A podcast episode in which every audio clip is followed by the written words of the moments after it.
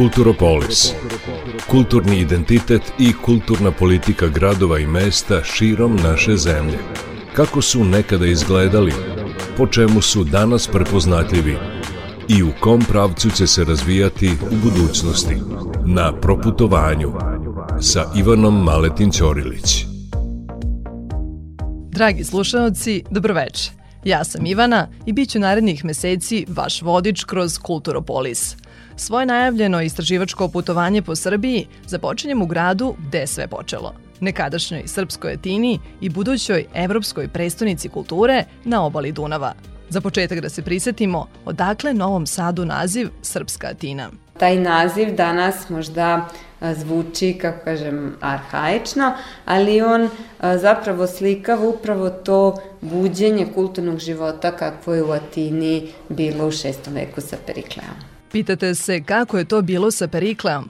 Da se za trenutak vratimo u Periklovo doba, razdoblje grčkog polisa Atine kada su u njemu stvarali Platon i Sokrat, Sofokle, Euripid, Hipokrat i drugi veliki umovi. Istoričari su taj period nazivali i zlatno doba i zlatni vek Atine zbog razvoja demokratije i trgovine, političke hegemonije, ekonomskog i kulturnog procvata. Perikle, čuveni starogrčki državnik, govornik i vojskovođa, bio je veliki pokrovitelj umetnosti, književnosti i nauke i pretvorio je Atinu u središte kulture i duhovnosti antičkog sveta – Znate li da je podigao neke od najlepših građevina antičkog sveta kao što je Atinski Akropolj sa Partenonom? Ako Novi Sad slovi za Srpsku Atinu, kada je počeo njegov kulturni procvat i šta ga je uopšte uzrokovalo? Pokucala sam na vrata jedinstvene nacionalne muzejske ustanove u našoj zemlji, galerije Matice Srpske – Sa bogatom zbirkom srpske umetnosti od 16. do 21. veka, njen umetnički fond upravo ukazuje na položaj i mesto srpske kulture i umetnosti u evropskom kontekstu. Ugostila me upravnica Tijana Palkovljević-Bugarski. Novi Sad ima taj naziv Srpska Atina još iz 19. veka, kada je zapravo počeo kulturni procvat grada Novog Sada i kada je potpuno promenjena, da kažemo, slika e, i života u gradu i uopšte osnivanja kulturnih ustanova jer e, Matica Srpska kao jedna od najstarijih naših nacionalnih ustanova kulture, nauke i čak možemo reći obrazovanja, jeste osnovana još 1826. godine u Budimpešti. I njeno sedište tamo imalo je sasvim smisla s obzirom da su u Budimu i u Pešti bili situirani Srbi koji su došli nakon velike sobe, ali koji su tamo zajedno sa ostalim, da kažem, manjinskim narodima u okviru Austro-Ugarske emparhije e, se borili za očuvanje svog nacionalnog identiteta, svog jezika, svoje kulture i književnosti. Prvi koraci Matice Srpske bili su usmereni upravo ka tome da se sačuva jezik, da se postiče književnost i publikuje najstariji srpski časopis, a to je letopis Matice Srpske. Letopis se objavljuje u kontinuitetu od 1824. i kao takav predstavlja najstariji književni časopis na svetu koji do današnjih dana izlazi kontinuirano. A šta je donelo preseljenje Matice Srpske u Novi Sad? Kada je 1864. godine sedište Matice Srpske prešlo iz Budimpeštu u Novi Sad, kada je dobilo svoj prostor, svoj, da kažemo, prvi uh, muzej, s obzirom da je muzej Matice Srpske osnovan još 1847. takođe u Budimpešti, ali je zajedno sa knjigama, sa ljudima, sa imovinom Matice Srpske stiglao i do tada prikupljeni fond muzeja, napravljen je taj javni prostor, ta prva postavka porteta časnika. I upravo zbog toga i zbog osnivanja i Srpskog narodnog pozorišta, kao da kažemo druge, najstarije ustanove kulture u Novom Sadu, nekako se stvorilo to, da kažem, trojstvo, biblioteke Matice Srpske, muzeja Matice Srpske, Srpskog narodnog pozorišta, a sve to zapravo izniklo iz ideje muzeja Matice Srpske i njenog osnivanja. I ti ljudi vod, jesu uh, vodili kulturni život i Novog Sada i podsticali savremeno stvaralaštvo i u oblasti književnosti i u oblasti likovnog stvaralaštva naručujući portrete časnika i značajnih ljudi, Matice Srpske i književnika i istoričara i svih onih koji su se bavili očuvanjem i promocijom srpske kulture. I danas u Matice Srpskoj mi imamo veliku kolekciju koju zovemo Panteon časnika. To su upravo ti portreti prvih predsednika, prvih sekretara, prvih, da kažemo, viđenijih ličnosti koji jesu dali doprinos razvoju srpske kulture. Dva veka kasnije, Novi Sad se užurbano sprema da ponese titulu Evropske prestonice kulture pod sloganom Za nove mostove. Obnovom i izgradnjom kulturnih stanica, revitalizacijom podgrađa, izgradnjom prve muzičko-baletske škole sa gradskom koncertnom dvoranom, nakon proglašenja u Briselu 2016. grad poprima drugačije obrise. Najveći infrastrukturalni radovi su u kineskoj četvrti – Već četiri godine se rekonstruiše i transformiše u kreativni distrikt. Nekadašnja alternativna omladinska gradska četvrt postaje centar savremenog stvaralaštva. Ja sam bio iznenađen kada smo uspeli da nešto što se nije nalazilo u katastru, niti u bilo kakvim planovima, što je potencijalno stala opasnost koja je jedna atraktivna lokacija, da se nameni za stanovanje, za ne znam neki velike ove trgovačke lance i tako dalje, hotelijere i tako dalje. Dakle, ovo je u stvari prepoznato i prvi korak koji smo napravili bila zaštita kroz plan detaljne regulacije, kroz urbanističke planove i rad sa Zavodom zaštitu spomenika za važne objekte koji su važni za nasledđe Novog Sada, da se to i ozvaniči i mi u tom trenutku kada smo to uspeli dobijamo kao ruši se Kineska, kao napad s jedne strane da će se srušiti Kineska. Još od kada je prvi bager kročio na tlo kineske četvrti, javlja se pregrš pitanja – koja je njena sudbina, budući izgled i namena i hoćemo li ponovo osetiti taj njen stari duh. U potrazi za odgovorima posetila sam fondaciju Novi Sad, Evropska predstavnica kulture u centru grada i direktora Nemanju Milenkovića. Ključni prostori su svaka će imati svoju neku, neku priču i draž od fabrike celokupnom dužinom koja neće više biti samo studentski kulturni centar, nego i niz drugih. Evo, Francuski institut je zainteresovan kulturna stanica Liman koja je tamo zaživela, važna za omladinski aktivizam i savremeno stvaralaštvo. Zatim Čeličana koja će biti fantastičan multifunkcionalni prostor, ali sa akustikom koja je rađena sa Fakultetom tehničkih nauka, tako da će biti fantastičan i za predstave, i umetničke performanse, umetničke cirkuse, kongrese, tribine i tako dalje. Zatim poseban prostor galerijski koji fali Novom Sadu za velika umetnička dela, radionica u kojoj su nalazili i, i, i slikari Janičić i Mirković.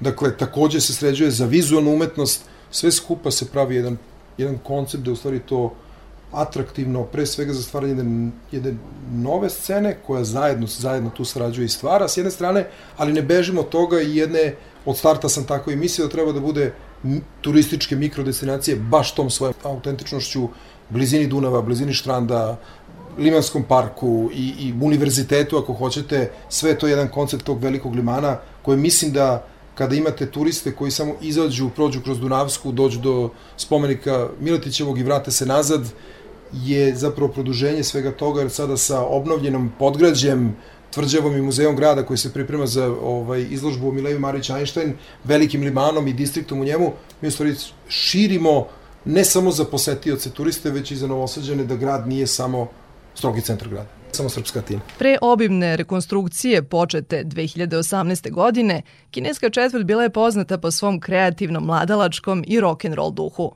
Mlade je uglavnom privlačila rock svirkama i koncertima, ali i mnogim drugim kulturnim sadržajima.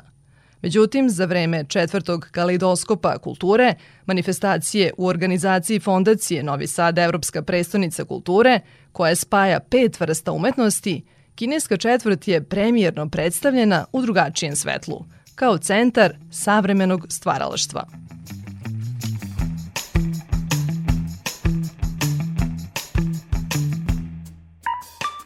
Evo sada na svečanom otvaranju kalidoskopa imali ste Ars Elektroniku koja radila sa Akademijom umetnosti. Imali ste e, takođe u birovu, u tom novom objektu, e, St. Polten, takođe galerija i St. Polten iz Austrije. I to su stvari koje su ljudima abstraktne, većini ljudi, ali ako im u sto pružite i filmske projekcije, a oni odu i poseti ovu galeriju, ja mislim da dižemo kapacitet zapravo celokupne publike i da ću vam jedan primjer kroz Korzo. Sećate se prvo Korza, to je uglavnom dominirao Mozart, Čajkovski i tako dalje. Sad imate jednu potpuno jedan novi pristup u kome za širu publiku možda je samo Bolero bio poznati, ali koja je zahtevna kompozicija za izvođenje i svaka čast Vojvođanskom simfonijskom orkestru sa sve dirigentom Markovićem i sa Stefanom Milenkovićem, ali Kodelj, to, to, to nisu imena zbog kojih šira publika dolazi. To je jedan proces, jedna evolucija u svemu tome da publika koja dolazi se polako podiže njen kapacitet da bi zapravo došli do momenta kada mogu da konzumiraju i ono što je neka viša elitna kultura.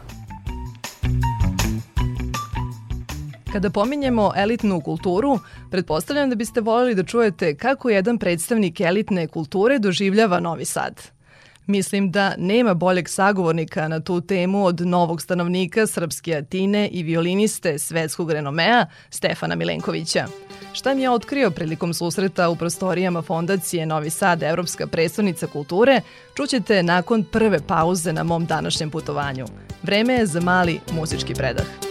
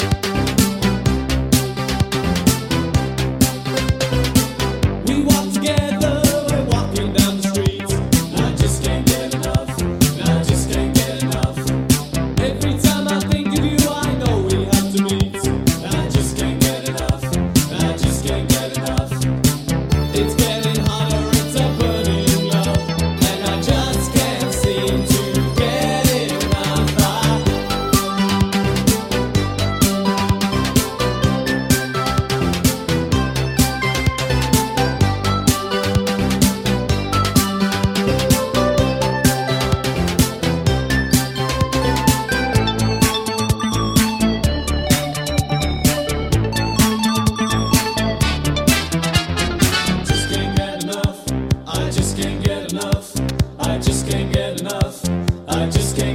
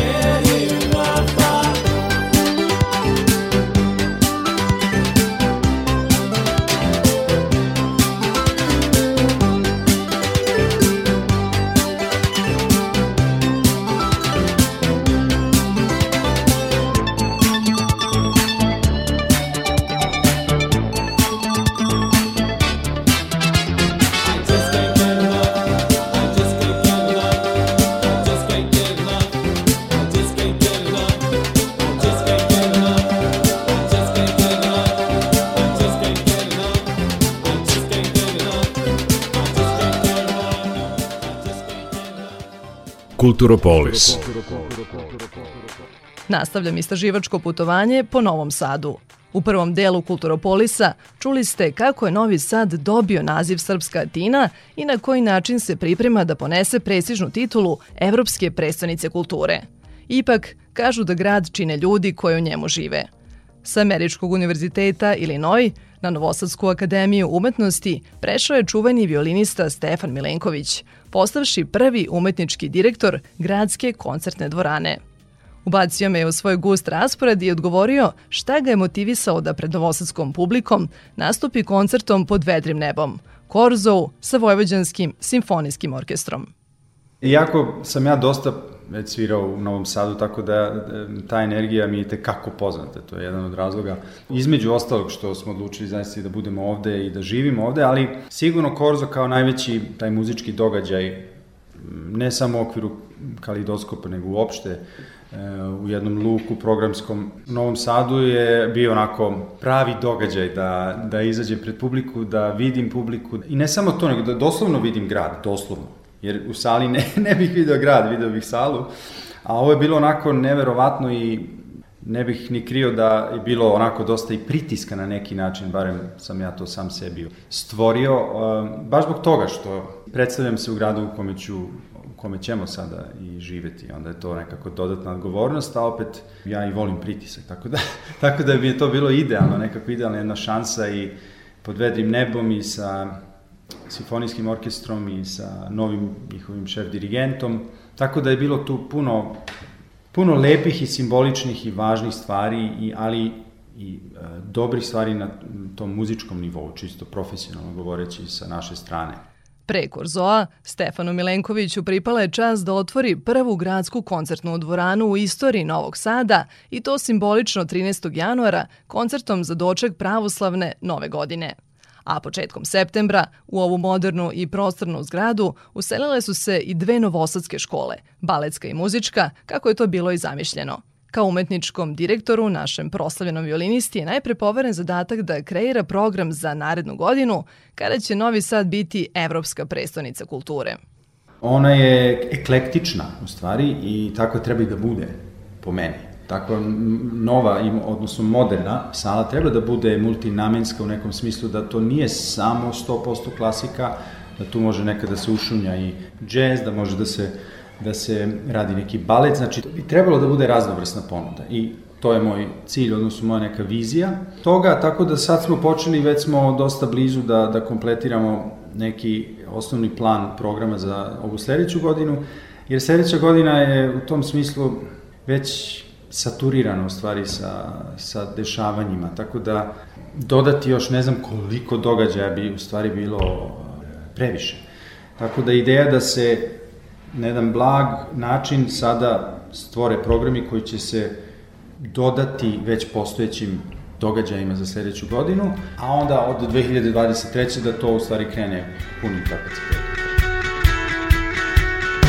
Oktobra Stefano Milenkoviću počinju i profesorske obaveze na Akademiji umetnosti u Novom Sadu na katedri za gudačke instrumente Departmana muzičke umetnosti. Fokus u njegovom radu biće na razvoju violinske škole i plasmanu Srbije kao rasadnika violinizma i violinista. Za naše mlade violiniste kaže da imaju urođenu muzikalnost i razuzdanost u pozitivnom smislu, ali da im često nedostaje discipline i posvećenosti. To su glavni razlozi zbog kojih neredko ne uspevaju da ostvare svoj potencijal. Mnogo je takvih. S druge strane, mnogo više je onih koji su bili možda malo manje talentovani, ako to veoma relativno šta to znači, ali malo manje talentovani, ali su bili radnici. I onda su veoma postepeno, postupno e, došli do jednog kvaliteta i nikad to nisu izgubili i danas su na najboljim mestima ili imaju najveće karijere. Tako da tu treba jednostavno naći balans između toga šta vam je priroda eventualno ili genetika dala, a šta se nauči i onda ostane u tome. I to je onda profesionalni produkt. Energija, odlučnost i entuzijazam sa kojima Stefan Milenković govori prenose se i na druge u njegovom okruženju. Njegova slika Novog Sada, priznajem, budi optimizam.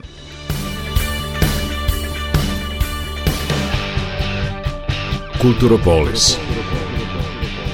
Za poslednju, ali ne manje važnu stanicu na svom proputovanju kroz Novi Sad, nakon Galerije Matice Srpske i Fondacije Novi Sad Evropska predstavnica kulture, biram najstariji srpski teatar. Spektakularnim izvođenjem Verdijeve opere Ida pod vedrim nebom na Petrovaradinskoj tvrđavi svečano je otvorena 161. sezona.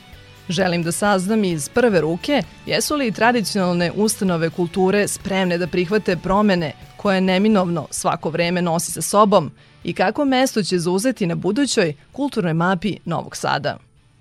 To se videlo već i prethodnih godina kada smo se među prvima uključili u ta neka elektronska, medijska kažemo, sredstva kada smo pokušali da komuniciramo i sa onima koji nisu do sada dolazili klasično u pozorište i na taj način smo i u mnogome proširili našu publiku prema mladim ljudima i prema publici koja živi negde u svetu. Programa koje smo radili prošle i ove godine, e, mi smo zaista otvorili vrata e, prema mnogim e, koji su zainteresovani sada za operu više nego ikada, ali isto tako i za naše projekte, jer mi smo bukvalno svakog dana na nekom od festivala pre svega dramskih, domaćih i međunarodnih, sa predstavama koje postižu zapažene uspehe. I slogan nove operske sezone Srpskog narodnog pozorišta glasi Operu čine ljudi. On jasno ukazuje na težnju da se pozorišna umetnost izmesti iz institucionalnih okvira i približi široj publici. U duhu toga, upravnika Zorana Đerića zatiče na Petovradinskoj tvrđavi u oči najave AIDE. Naš razgovor upravo započinjem pitanjem o ulozi SNP-a u projektu Novi Sad, Evropska prestonica kulture. Srpsko narodno pozorište je potpisalo nekoliko ugovora sa Evropskom predstavnicom kulture i nadam se e, da će sve po planu i proteći. Prvi od tih velikih projekata je e, na samom početku Evropske predstavnice 31. decembra premijerno će biti izvedena predstava Tesla iz Umetnik po romanu Vladimira Pištala, a u adaptaciji režiji Nebojše Bradića. To će biti zaista spektakl posvećen Tesli koji je izuzetan e, naučnik, ali i e, svetski čovek koji je bio e, zaista primer svog vremena i dan danas u mnogo čemu neprevaziđen. E, ta predstava u stvari, znači ona najavljuje Evropsku predstavnicu kulture, biće sa trga umesto onih običanih dočeka nove godine, ovo će znači biti doček nove godine sa ovo, još nekim pratećim programima koji će biti ovde na tvrđavi u okviru tog nekog programa svetlosti, muzeja svetlosti, izložbe svetlosti, znači u znaku Tesle. Predstava o Tesli nije jedina koju će Srpsko narodno pozorište postaviti naredne godine na scenu uz pomoć fondacije. U planu su i drugi veliki naslovi koji neće biti igrani isključivo u pozorištu. Odmah posle toga e, novi projekat nas čeka zajedno sa Evropskom predstavnicom, reći o operi, premijeri opere našeg autora Stevana Divjakovića, Vladimiri Kosara. Ona će biti 1. februara, znači za dan grada, u Srpskom narodnom pozorištu na velikoj sceni. Posle toga pripremi se dva velika dramska projekta. Jedan od njih je Mefisto, Klausa Mana, koga režira Haris Pašović i on će premijeru imati u julu mesecu. Posle toga, znači takođe u julu, e, jedan veliki projekat e, zajedno sa Shakespeare Festom iz Novog Sada i sa uh, Beogradskim dramskim pozorištem. Reč je o Magbetu, Šekspirovom, koga će režirati Nikita Milivojević. To će biti isto u prostoru tamo gde se dešava Shakespeare Fest kod Stankovića Vile. E, posle toga, e, na jesen, e, imat ćemo u okviru kalidoskopa premijeru opere Carmen. Isto tako očekujemo da će i drugi naši projekti koji se pripremaju, kao što je Ana Karenjina, praizvođenje baleta, biti podržani od Evropske predstavnice kroz neki od tih fondova i načina, kao i drugi programi koje radimo, a koji nisu direktno finansirani, ali će se naći u, u programima i kalidoskopa ili nekog drugog od ovih uh, programa koje Evropska predstavnica kulture nosi.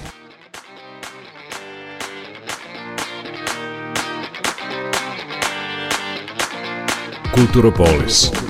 Od Perikla do Tesle, dragi slušalci, dalek put sam prešla vodeći vas kroz prvi u nizu Kulturopolis. Kako je Tesla govorio, život je i uvek će biti jednačina koja se ne da rešiti, iako sadrži nekoliko poznatih faktora – Verujem da delovanje čak i malih bića dovodi do promena u čitavom svemiru. A vi? Ja sam Ivana Maletin-Ćorilić i čekam vas na sledećem putovanju.